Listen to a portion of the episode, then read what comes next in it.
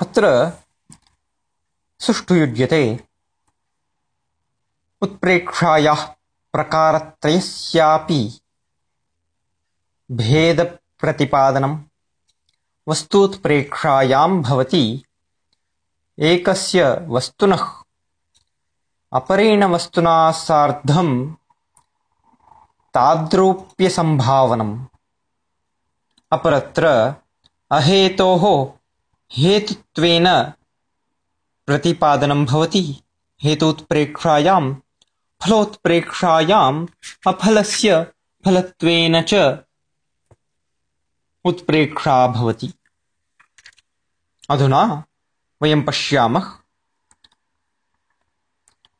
वस्तूत्प्रेक्षायाः प्रकारद्वयस्याप्युदाहरणे